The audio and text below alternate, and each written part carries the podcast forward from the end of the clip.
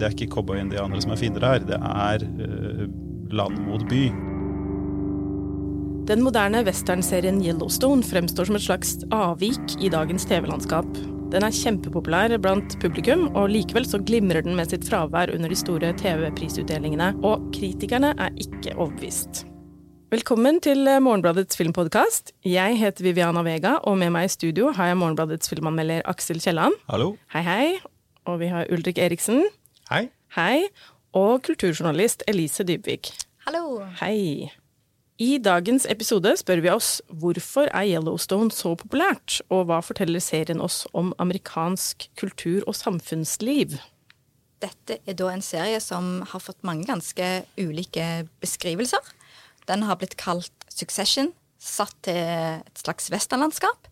Serieskaperen så jeg kalle han uh, gudfaren satt til Montana. En stor ranch i Montana. Og så finnes det vel òg en sammenligning som går ut på at han er Rødstats Game of Thrones. Nettopp. Selv vil jeg kalle det på en måte en western-versjon av Dynastiet og Falcon Crest. Ja. Hvorfor? Nei, jeg tenker at uh, den har mye av de samme uh, såpeelementene som jeg husker fra de to seriene som jeg var uh, veldig opptatt av på 80-tallet. Som også har en, som, en familie i, i, sentrum og en familie over hodet som prøver å få barna sine til å velge det riktige livet, og, og de lever i luksus, men, eh, og, og, må på en måte prøve å finne sin motivasjon og sin glede i å ta over eh, familietradisjonene, men sliter med det. Altså, den handler da om familien Dutton, som eier eh, så, så, mye som en tredjedel av hele Yellowstone nasjonalpark. De er liksom ranch-eiere. Og det er John Dutton, som er, eh, spilles av Kevin Costner. Han er da alenefar blitt, eller enkemann.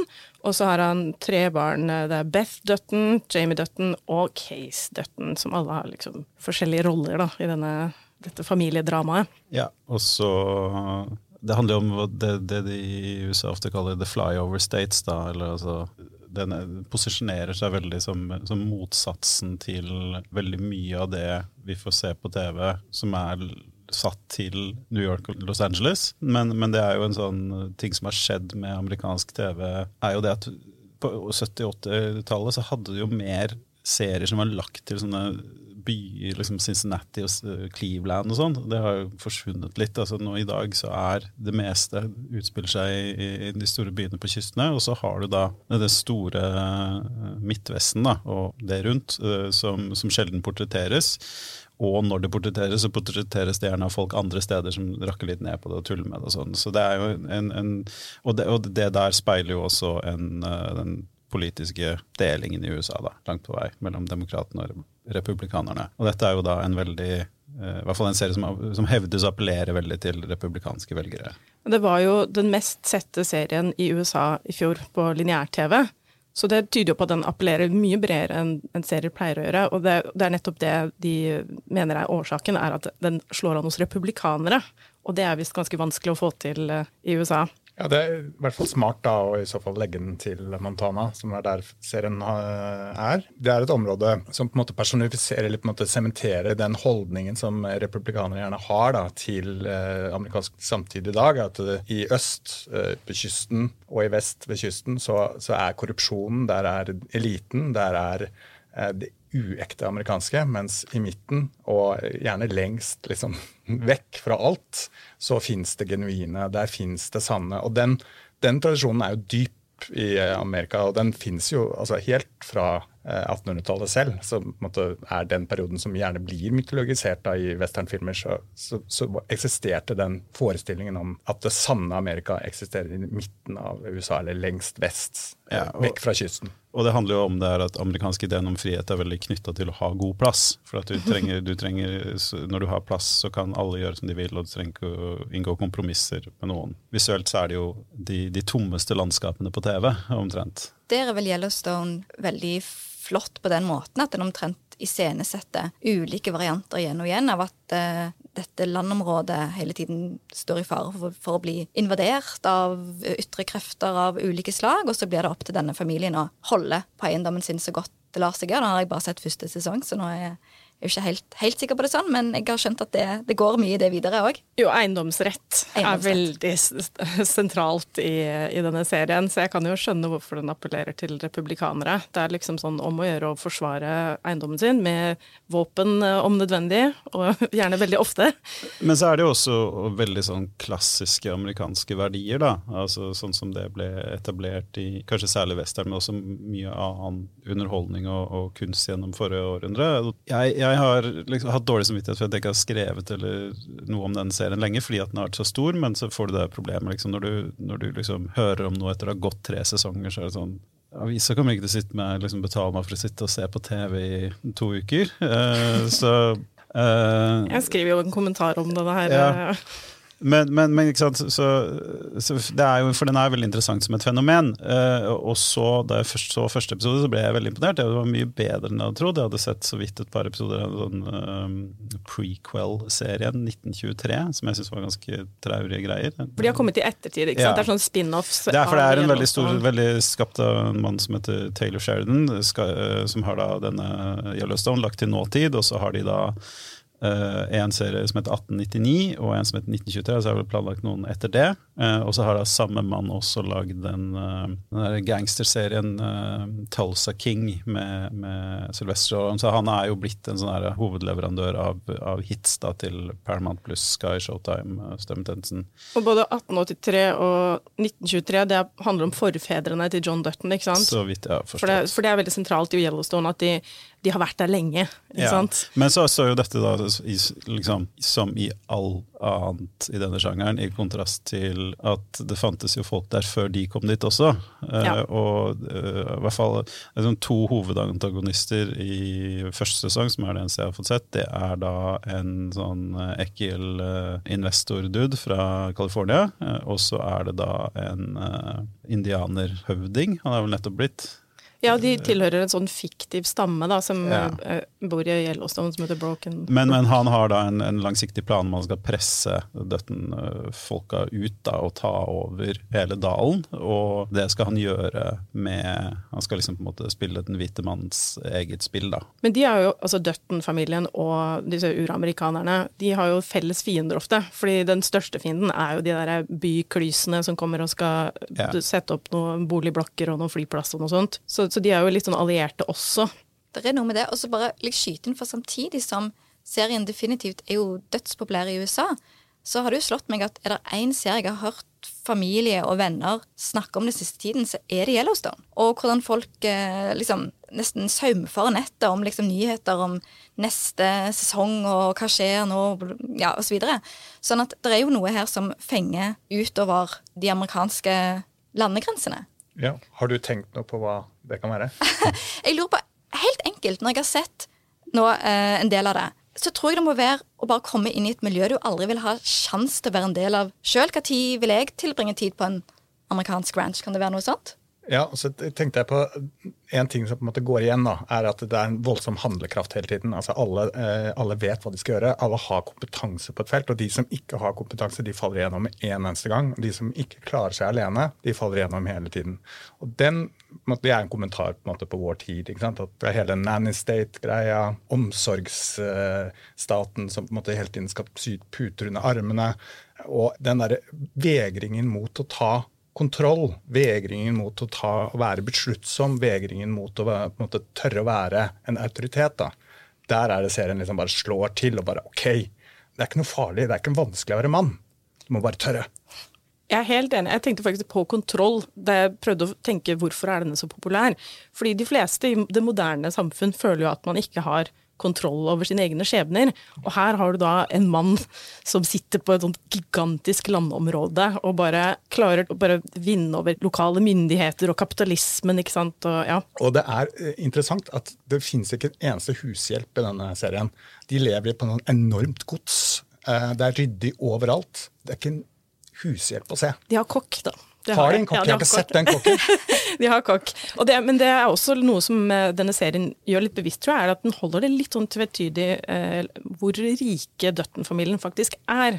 De er rike på land, men de er veldig opptatt av å bevare landet. ikke sant? De kunne jo tjent masse penger på å selge, og det vil de ikke gjøre. Men de er jo fortsatt ganske velstående og mektige folk, da. Jo da, men så samtidig i første sesong så blir det gjort et stort poeng ut av at hvis han investorduden får gjennomført planen sin, så kommer eiendomsskatten til eh, John Dutton å øke med 11 millioner dollar. Det kommer han ikke til å ha råd til å betale. Sånn at det er jo ikke, ikke um, succession-summer vi snakker om. Men det er jo veldig sånn åpenbart at konfliktbildet er ikke liksom, det gamle cowboy-indianer. Det er på en måte denne måten å leve på versus liksom reguleringer. Reguleringer er fin måte. Og liksom alt som kan stoppe handlekraftige uh, individer i å gjøre det de vil, og det de har gjort i generasjoner. Og det syns jeg, det synes jeg første episode Den satte opp alle disse problemstillingene utrolig presist. Og vi skal ikke gå gjennom liksom hva alle de forskjellige figurene representerer, men det er liksom sånn Den tar for seg på en måte alt, da, det mest åpenbare. Og så, liksom, hvis du da ser en del episoder til, så, så tar det ikke så lang tid før du havner i et sånt ganske sånn klassisk sånn Altså, da sitter du bare og ser på en TV-serie som kverner og går. Og så, så, funker det jo, det er veldig lett å se på, men det er jo ikke liksom stor kunst, da. Ja, noe igjen med det at det er TV og den litt sånn gode, gamle typen. Ja. For det føler jeg at når jeg har prøvd å se Succession Eller jeg må være i et Det krever noe av meg å se Succession. At jeg må følge med. Mens den der følelsen av å kunne følge med og bli revet med av karakter, intrige Nå prøver de å gjøre det mot den.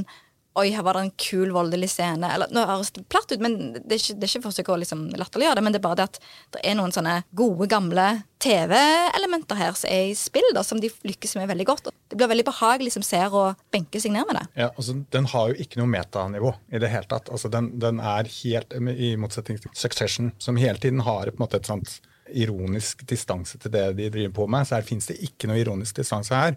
Den presenterer konflikter helt rett frem. Det er ikke noe lag på lag. Altså det, ja, det er noen sånne psykologiske traumer som på en måte delvis behandles eller ikke behandles. Men det er, det er, veldig overfladisk, og det er veldig sånn rett på sak. og det er veldig sånn, ja, og Derfor gjorde hun sånn og sånn, og derfor gjorde han sånn og sånn. Det ligger ikke lag på lag på lag på lag, og derfor så blir det ikke så veldig komplisert. da. Så du må bare godta hele premisset, og hvis du gjør det, så er det underholdende. Hvis du ikke godtar det, så blir det veldig irriterende. ja. Men den er jo litt sånn uh, symbolsk, eller en representant for det Paramount pluss, som nå vel heter Sky Showtime i Norge, gjør som best som strømmetjeneste. Det er at den, der de andre mm, strømmetjenestene liksom prøver på liksom det man kalte kvalitetsserie, prestisjedrama, så, så lager de ting som er ganske likt gode, gamledagse TV-serier. Og det, det syns jeg gjelder alt fra Yellowstone til Yellow Jackets. Det krever jo et visst nivå av forutsigbarhet, for at du vet sånn cirka hvor det går. Det er så lett å se, da. Det har ikke den der um, historiebuen som de prøver seg på en sånn filmstruktur over en sesong. Det er liksom Du, du ruller inn nye underplott og sånn annenhver episode, eller sånn, og så bare kverner det går. Det tenkte jeg også på. Den, det du snakker om er det man kaller ark mm. på engelsk. Og det har blitt pressa på veldig mange serier de siste 10-20 årene. At liksom hver sesong skal ha ett sentralt drama. Men her er det mer sånn det humper og går. Også, men en ting som gjør at jeg er enig med Ulrik sin analyse at det er en såpe, er jo at det er så mye drama. Og de er ofte i hver episode. da. Det er liksom alltid noen som må dø, eller noen, noen som må bli slått til blods liksom hver eneste episode. De er veldig forelska i dramaet, og det syns jeg ødelegger serien litt. for jeg synes egentlig Premisset er veldig interessant, og karakterene er ganske solide, men de tør liksom ikke å lene seg på det universet uh, Sheridan har bygd. I stedet så må det være sånn Noen må dø! Hvem skal det være denne gangen? Men du har jo sett nesten alle sesongene, så noe må ha drevet deg videre. Eller hva er det som har gjort at du har uh jeg tror det er nettopp det. Det er et sånt univers, da. Nå liker jeg jo for så vidt western i utgangspunktet, og er glad i sånne stoiske menn, liksom. Så øh, sånn gretne som, gubber som aldri smiler og sånt. Men det, det, er litt vanskelig å svare på hva det er som fenger med den. Du lurer på hvordan det skal gå med denne familien, da. Men sånn er, jo TV, da. Det er jo sånn TV, ja, da. Ja. liksom, er, Men kanskje her er det også at det er så tvetydig om de er på en måte Om de skal være heltene eller skurkene, da. The Duttons. For de gjør så mye kjipe ting, og noen av karakterene blir så så forferdelig over tid at du bare du får lyst til å bare klaske dem i trynet når du ser dem. ikke sant? Men jeg, jeg begynte å se på den først og fremst nettopp fordi jeg leste at den var utrolig populær blant republikanere, og så begynte jeg å tenke sånn ok, hva er det de, er det de ønsker å se? Hva er det de liker å se? Så da, jeg gikk kanskje inn med et litt sånn analytisk blikk, men så ble jeg fenga på en helt vanlig sånn primitiv TV-seermåte, da. Ja, og det er jo ikke noe galt i det. Også det jeg eh, syns er veldig fascinerende du sier, Viviane, om liksom, seriens tvetydighet da, i forhold til er det skurker eller helter eh, osv. Og, og igjen den der merkelappen at det er sånn konservativ republikaner-TV. Det slo meg at det er kanskje ikke så mye det som at serien jo veldig tydelig iscenesetter konservativ republikansk ideologi, da.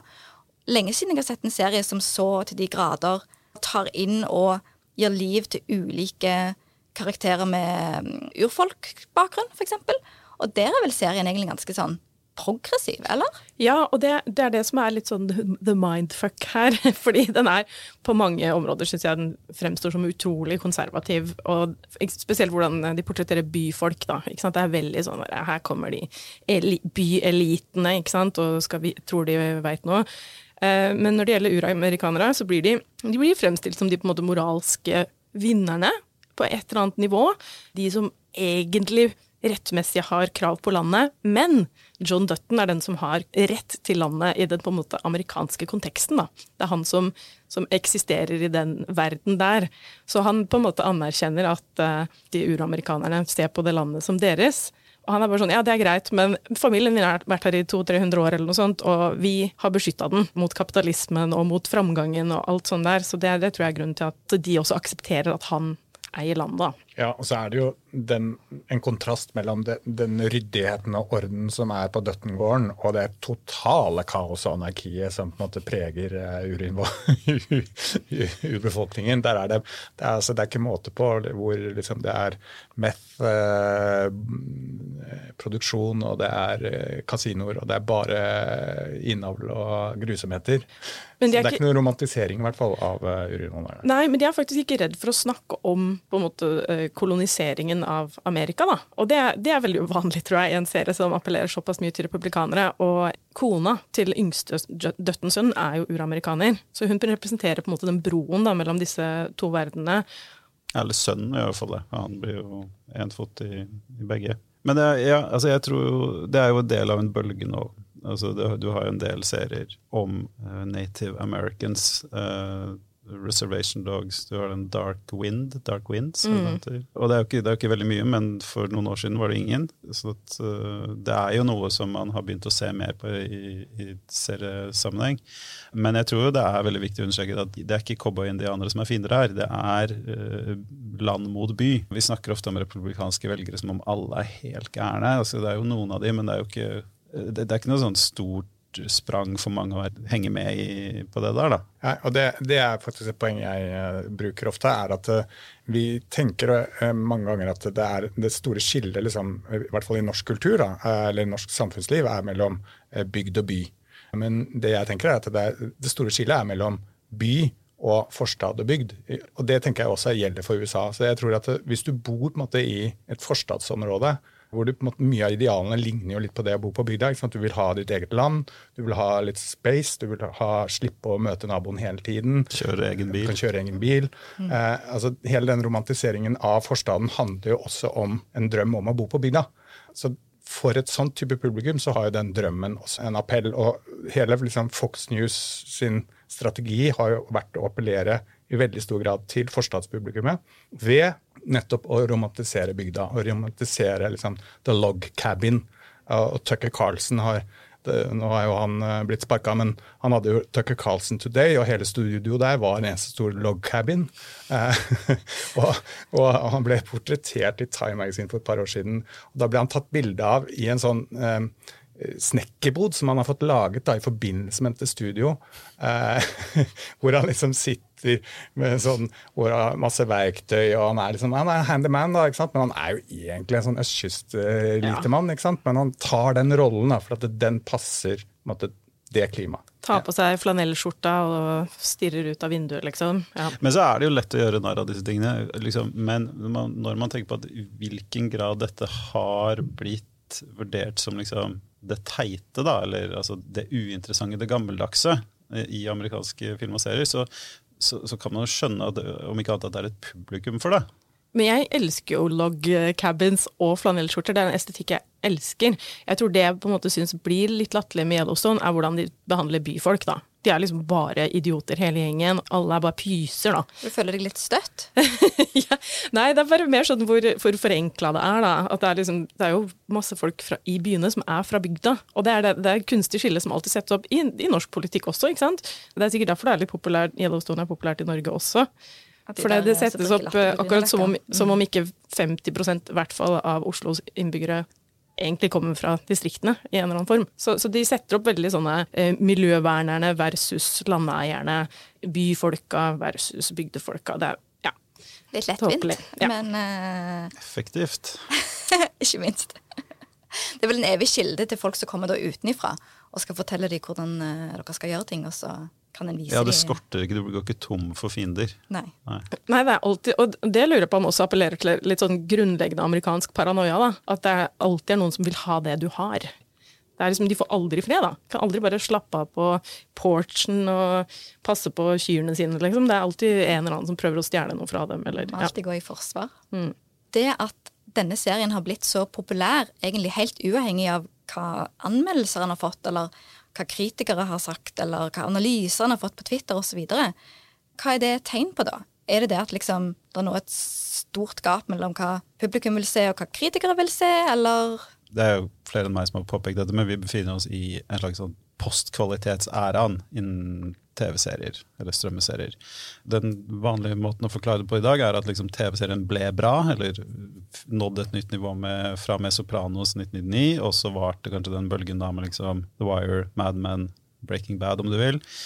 Eh, Jeg pleier å sette punktum med første sesongen av True Detective, 2014. Altså, den perioden er da kjennetegna av at en hel bransje liksom dro i samme retning. Man ville ha mer cinematisk eh, formspråk, man ville ha større eh, Akkurat det du snakka om i stad, altså at man ville ha sånne story arcs, altså lengre fortellinger, istedenfor bare dette liksom episodiske uke for uke.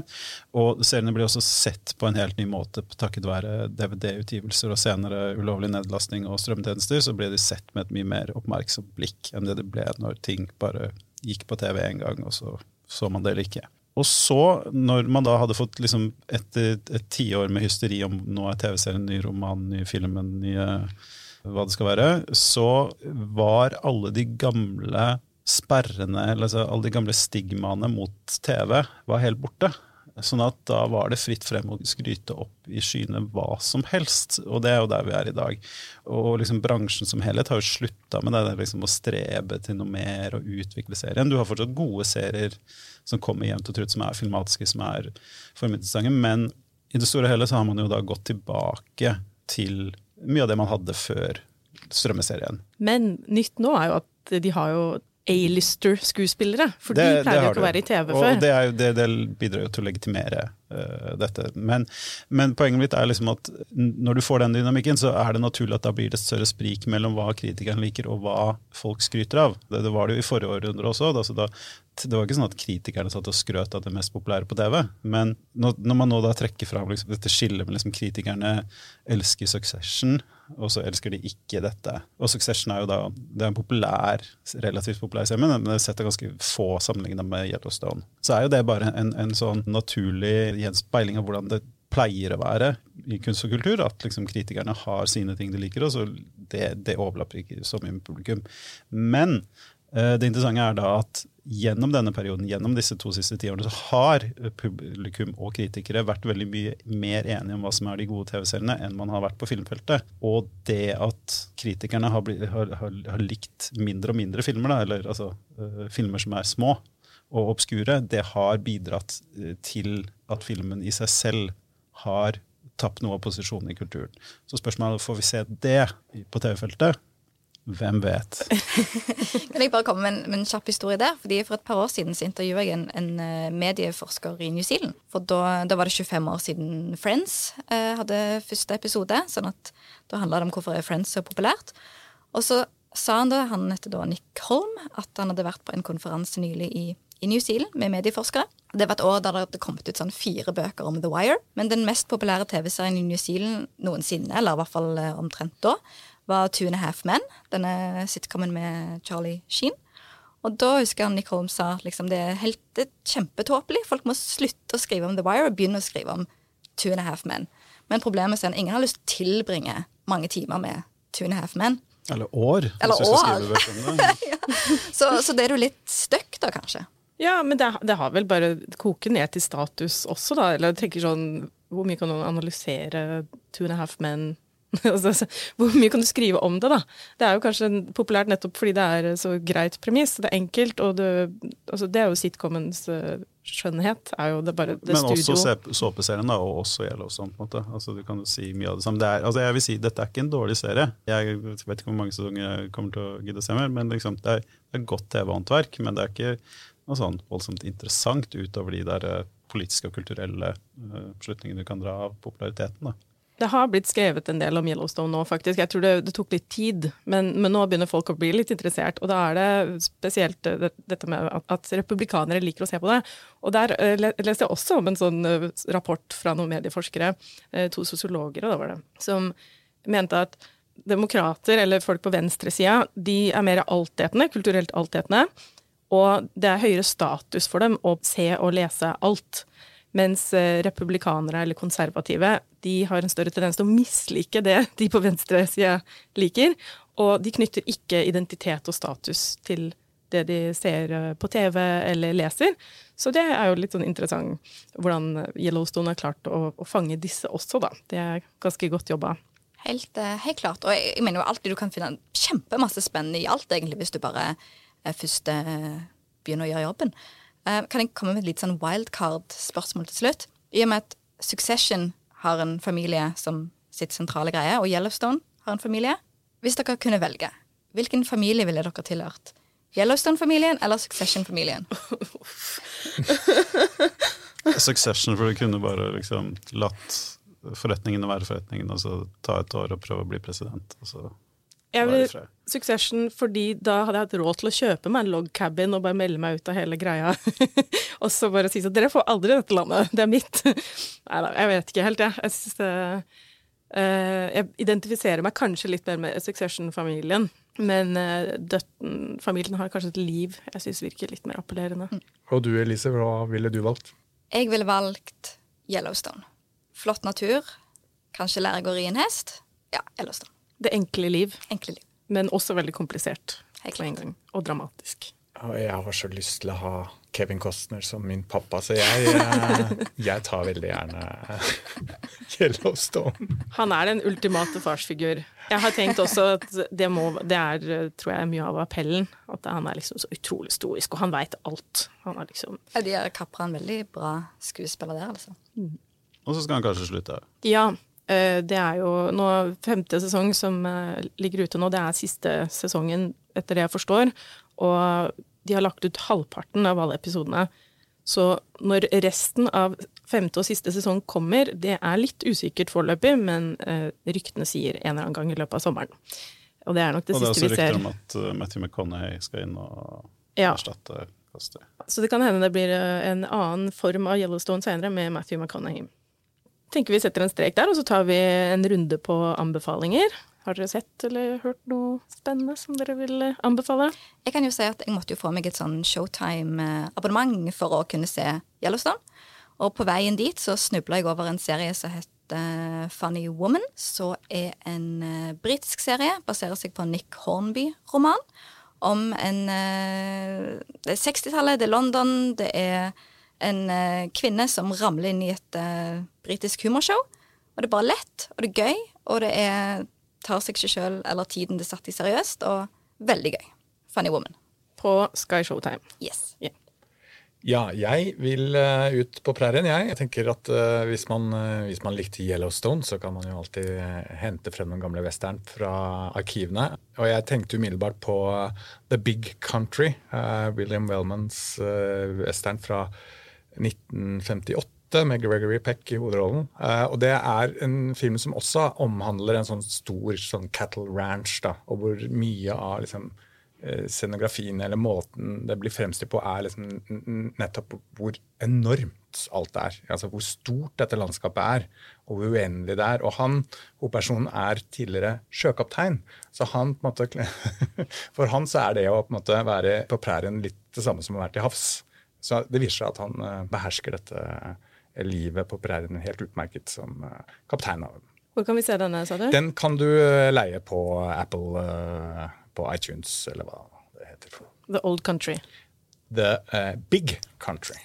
It's a big country. Big country, Sier de hele tiden. ja. uh, ja, jeg tenkte jeg skulle, det, er, det er to filmer eh, regissert av Chloé Shao. Hun er jo mest kjent for den ganske ålreite Nomadland og den helt forferdelige Marvel-filmen The Eternals. Altså Hun er vel kinesisk-amerikaner, født i Kina, mener jeg.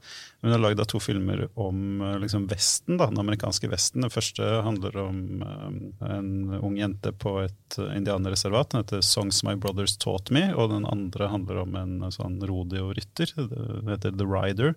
Og det er et veldig sånn sosialrealistisk blikk på cowboy og indianere da, i dag, som er vel verdt å se. Særlig 'The Rider' er en god film. Uh, den, um, 'Songs My Brothers Taught Me' ligger på Viaplay, og 'The Rider' ligger på Apple TV pluss. Jeg vil anbefale en westernfilm som jeg så for noen år siden, som heter eh, The Sisters Brothers. Den er fra 2018, regissert av Jacques Audiard, med John C. Riley og Joaquin Phoenix i rollene. Og den starter som en veldig sånn konvensjonell western om to brødre som er leiemordere, eller sånn, ja, hired guns. Men den ender opp liksom et helt annet sted, og den, det er en western som viser på en måte litt det brytningspunktet fra denne ville vesten-mannen til en litt mer den siviliserte mann, da. Uh, så jeg syns den var veldig interessant, for det var uh, Tannbørsten kommer til Den ville vesten. Det er uh, helt riktig. Mm. Det er et, et, moment i den filmen. Nei, Jeg syns den var veldig rørende og en litt sånn artig vri på western-sjangeren. Så Sisters Brothers den ligger på Filmoteket og NRK, blant annet. det var det vi hadde for denne gang. Hvis du vil lese min kommentar om Yellowstone, så kan du gå inn på morgenblad.no og tegne et abonnement, og der finner du også masse annet godt stoff om film og TV. Og så høres vi neste gang.